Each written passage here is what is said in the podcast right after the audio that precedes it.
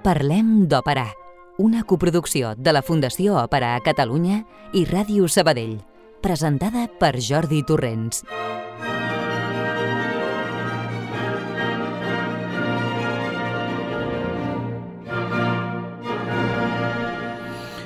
Bon vespre tingueu. Com està provant el nou any? Bé, espero. Ja heu anat de rebaixes? Quina tentació, eh? Jo no. La veritat és que he arribat a un punt en què si no hi ha alguna cosa que realment necessito, no la compro. Roba en tinc de sobre, acumulada durant molt de temps i ara estic rescatant peces antigues poc portades i que estan en excel·lent estat. Així que, per què hauria d'anar de rebaixes? Ho sento pels comerciants, però jo no hi faré ni un euro de despesa. O sigui que el que tinc m'ho aniré gastant en òpera. cada qual, oi? doncs molt bé, anem avançant i ja hem passat l'equador del mes de gener i nosaltres no tenim aturador, així que un nou programa. Roger Benet, el control de so i qui us parla, Jordi Torrents, us donem una cordial benvinguda.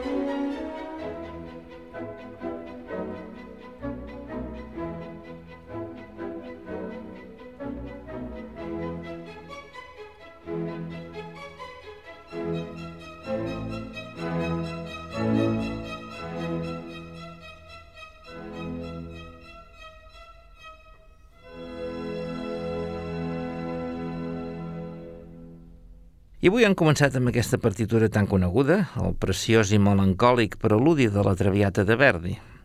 És que parlarem d'aquesta òpera tan famosa i estimada? No, no pas. Tampoc de Verdi. De què, doncs? Doncs mireu, Avui acabarem una sèrie que varen començar ja fa anys i que al principi proposàvem més sovint i que en les darreres temporades ho hem fet de forma molt més esporàdica, fins a arribar avui a l'episodi número 25 i amb ell acabarem.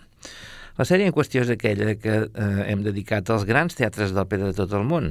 El primer programa fou el 120 i ja anem pel 507 i la data el 31 d'octubre de 2013. Ha fet, doncs, 9 anys ja. Com passa el temps, eh? Aquell primer programa el vàrem dedicar al teatre que ens queda més proper, al Liceu.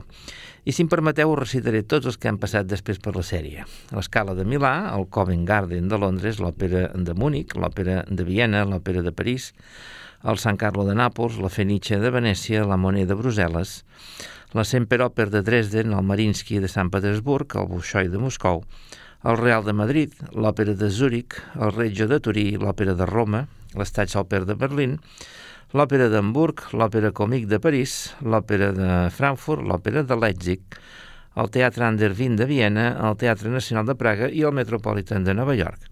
Deixem per avui, pel punt i final, el Teatre Colón de Buenos Aires. Diuen que el que gaudeix de la millor acústica de tot el món.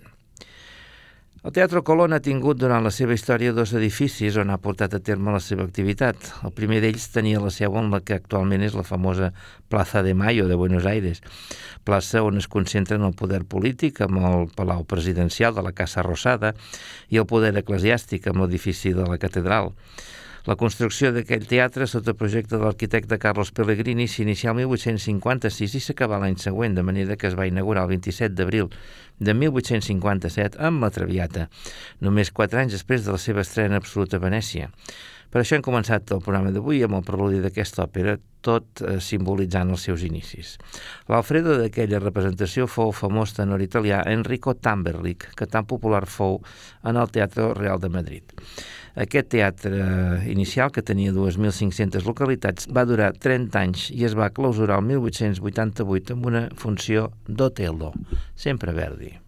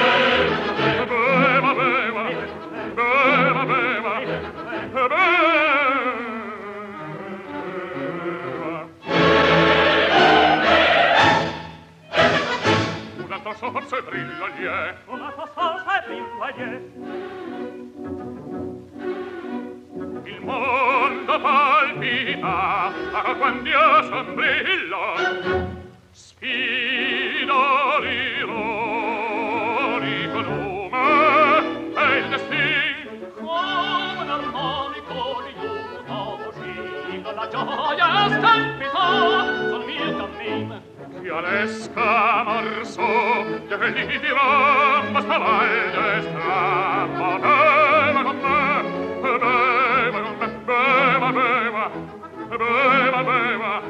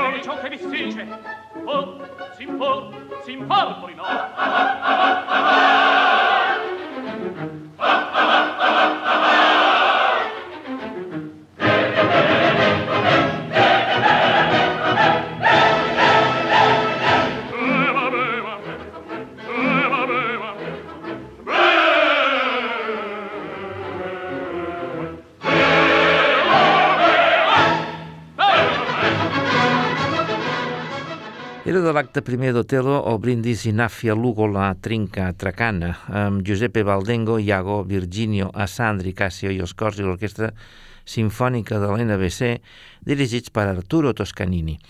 He escollit aquesta versió perquè el famós director italià va dirigir molt en el Colón.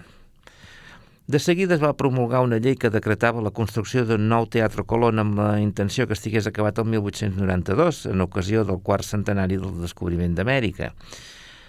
Però, malgrat que la construcció s'inicia el 1889, un projecte inicial de l'arquitecte Francisco Tamburini, la cosa s'embolicà a causa de problemes legals i polítics. Us podeu imaginar, doncs, com devia ser la cosa, i encara més de l'Argentina. I també financers que van obligar a parar les obres el 1894. De manera que la construcció del nou Colón va durar ni més ni menys que 20 anys. L'arquitecte Tamburini va morir el 1891 i el projecte fou reprès pel seu alumne Vittorio Meano, mort el 1904 i finalment el va acabar Julio Dormal. Més o menys va ser com allò que diuen, en diuen les obres de la Seu, que no acabaven mai.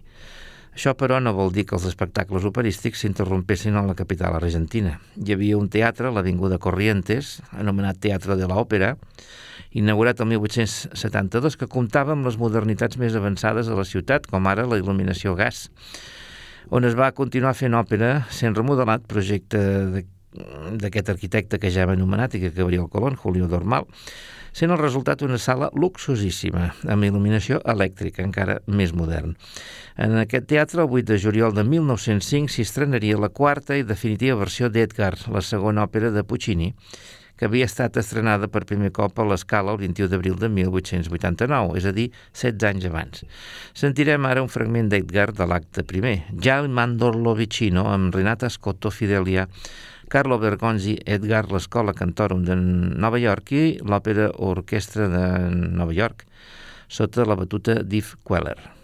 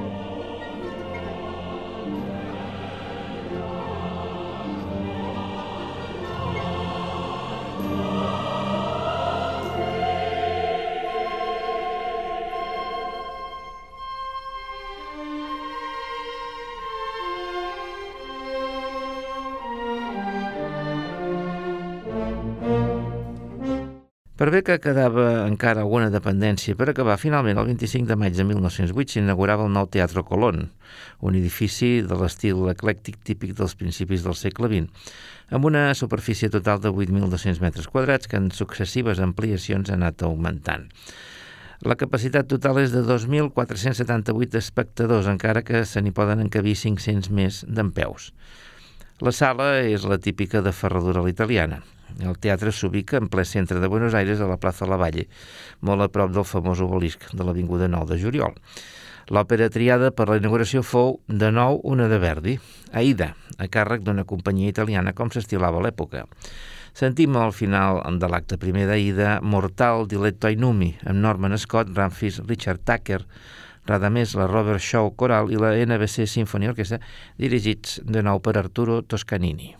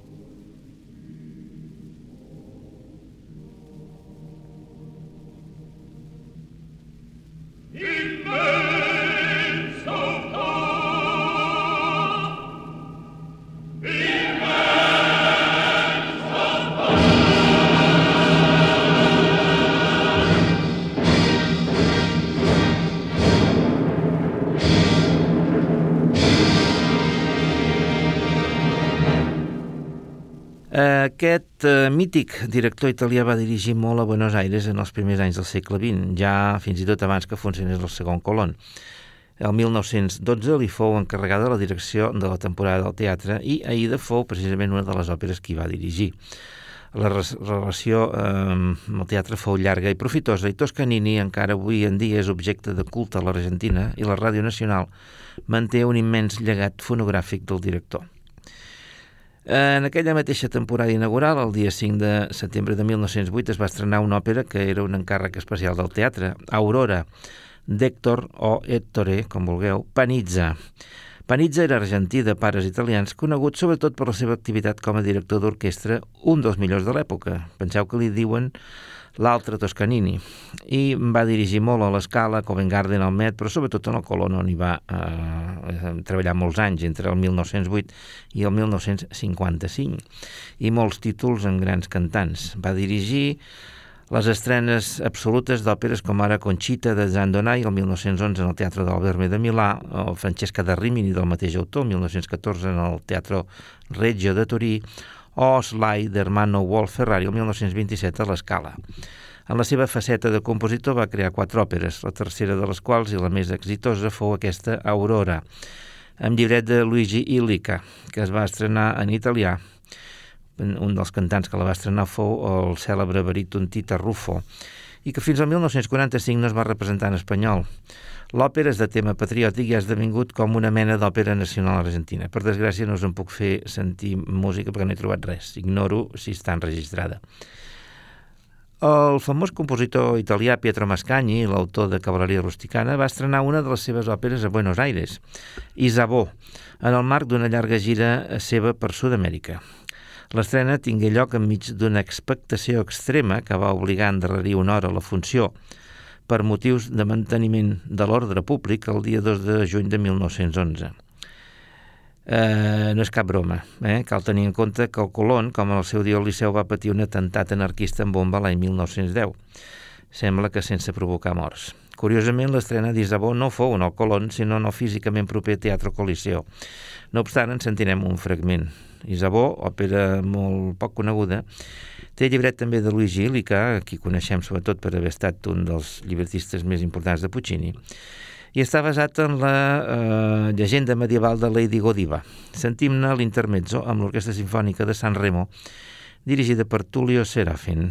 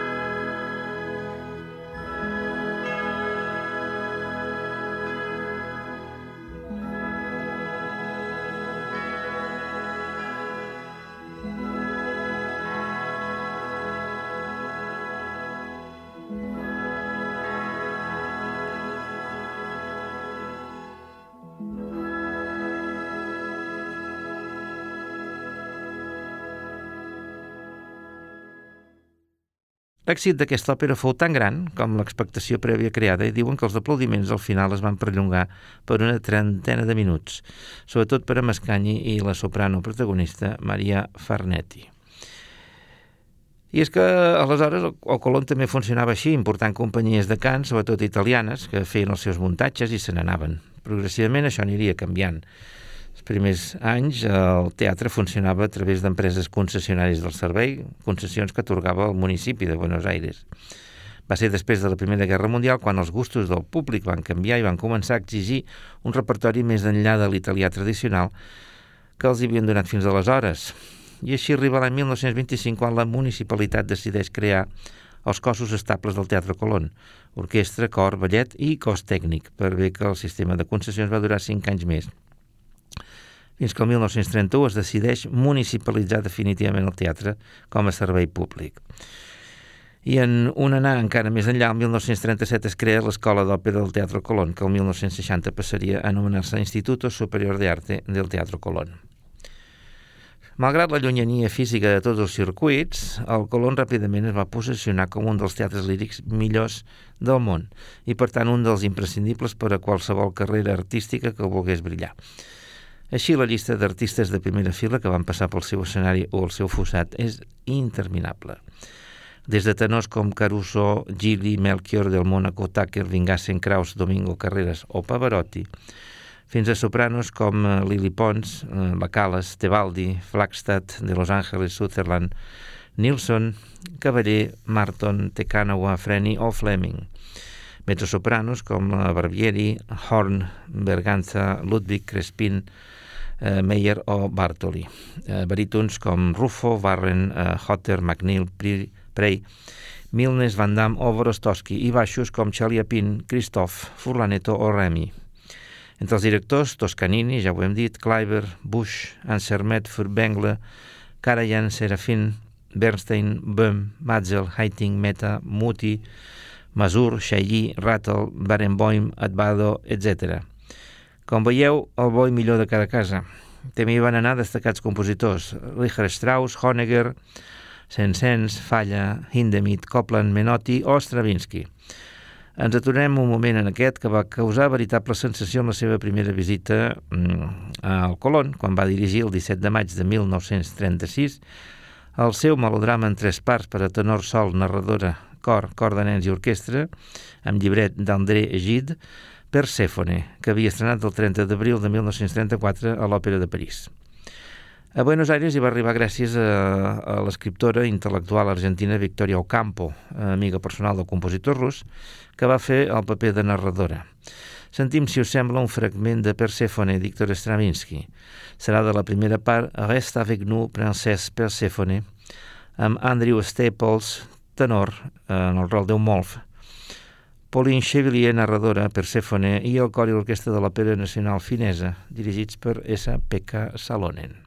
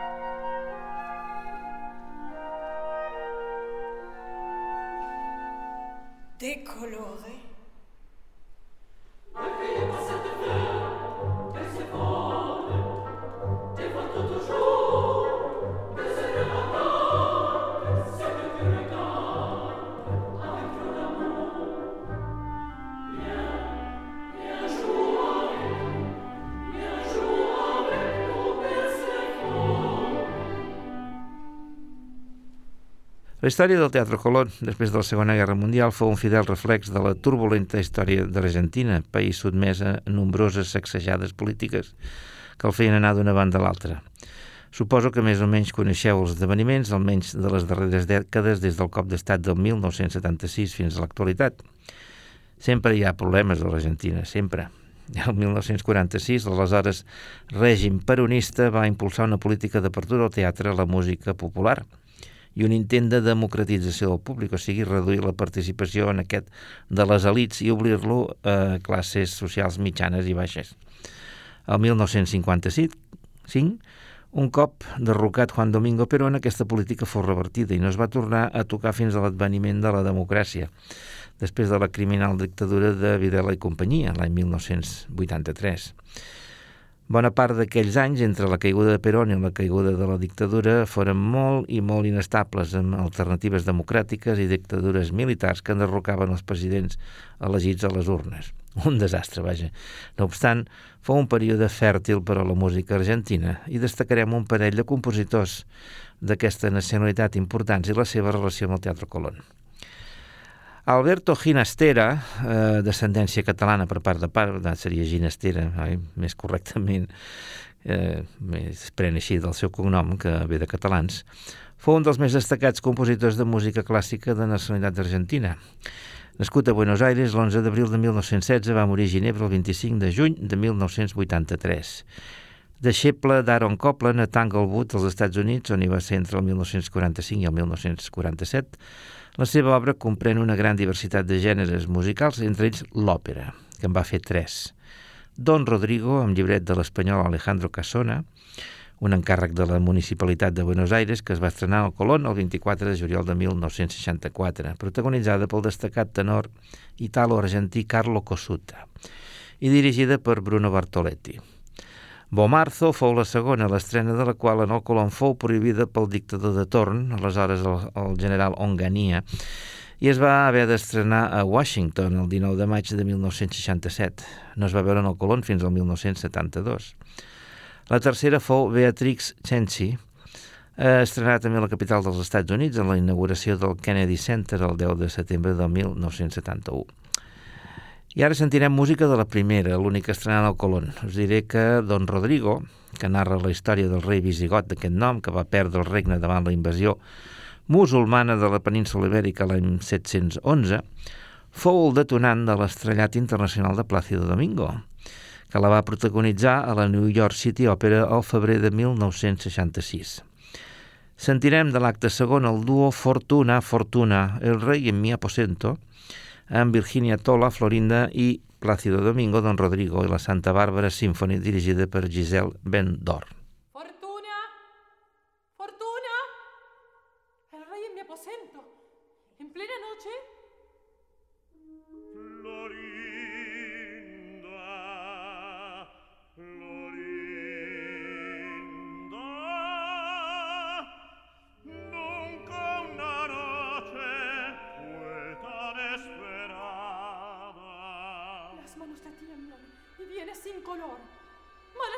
de la guerra? La derrota más grande que he sufrido jamás. Mamá, ¿dónde? Voy a la siesta y en mi propio jardín, con una gacela blanca bebiendo en la fuente fría. ¡Señor!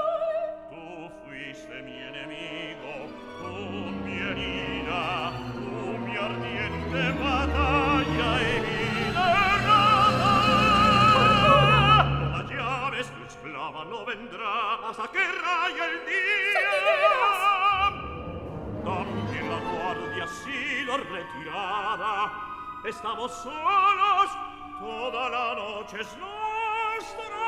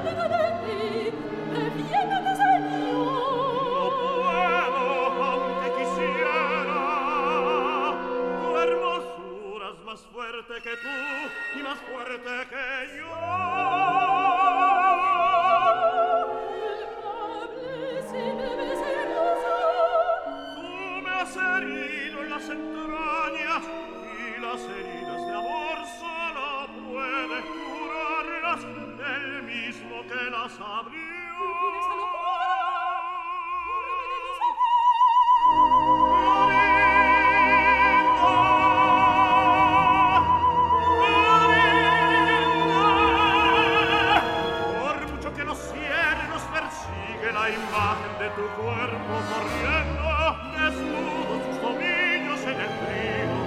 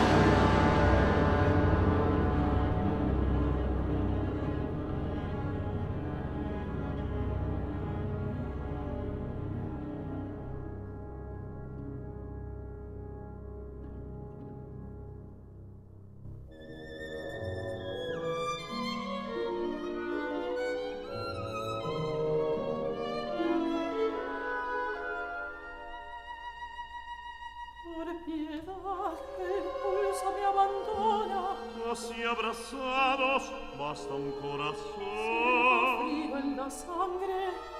La mía arde por los dos. El viento me falta. Respira con el mío. Los ojos se me nublan. Miraré por ti. i rei pietà. Amor florin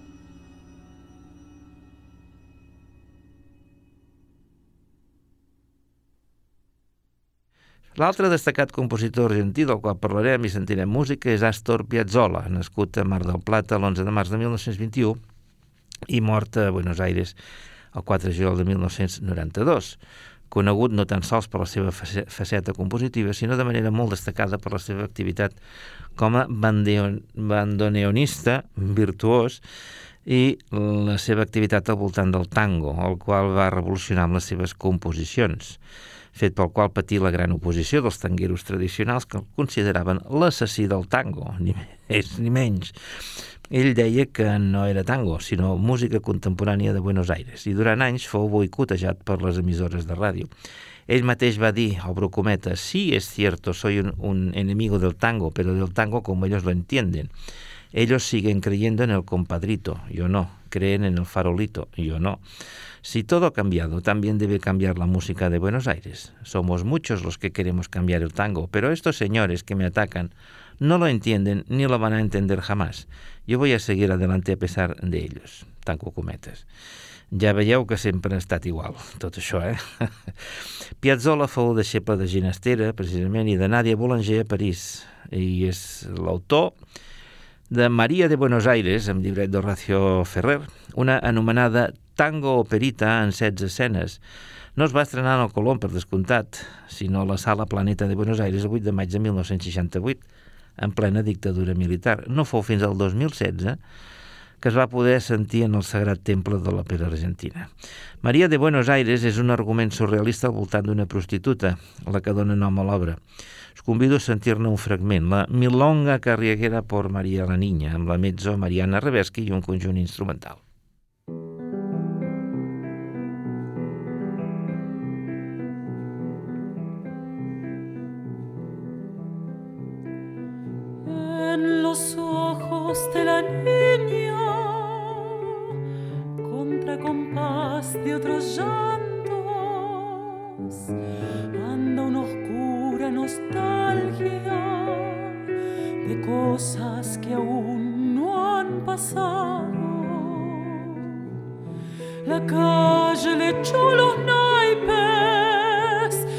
De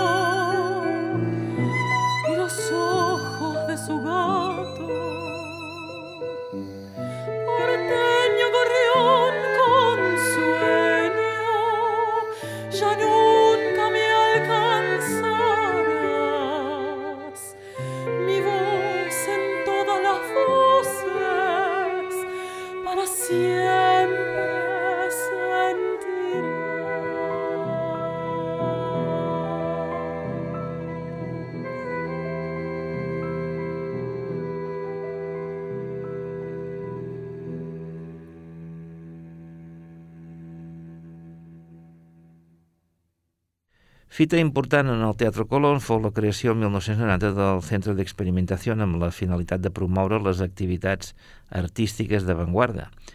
I a finals del 2006 el Colón tanca les portes per tal d'emprendre tot un procés de restauració durant el qual les activitats es van portar a terme en diverses sales alternatives de la ciutat. En plena restauració, el 2008 s'aprova una llei que crea l'anomenat Ente Autárquico Teatro Colón en l'àmbit del govern de la ciutat autònoma de Buenos Aires, dotant el teatre de personat jurídica pròpia, autonomia funcional i financera, especificant igualment de manera detallada quina és la seva funció. El 2010 conclouen les obres, sent alcalde Mauricio Macri, que posteriorment seria president de la República. I el 24 de maig d'aquest any té lloc la gala de reapertura del Colón amb una funció especial durant la qual es van representar l'acte segon de la Bohem i el tercer del Llac dels Signes, simbolitzant així que és un teatre que es dedica tant a l'òpera com al ballet. Les celebracions van continuar sent a la culminació la visita de l'orquestra i el cor de l'escala, dirigits per l'estrella argentina Daniel Barenboim. Parlem d'òpera, un programa per escoltar i aprendre a escoltar. Bé, no ha estat fàcil fer aquest programa, però l'hem fet. Acabem aquí amb la història del Teatre Colón de Buenos Aires i també amb la sèrie de 25 programes al llarg de molt de temps dedicada als grans teatres d'òpera del món. Tot esperant que us hagi agradat i us hagi semblat interessant. I jo ja us convoco pel proper programa d'aquí a només 7 dies. Adéu-siau i fins dijous que ve. Contacta amb nosaltres a òpera arroba radiosabadell.fm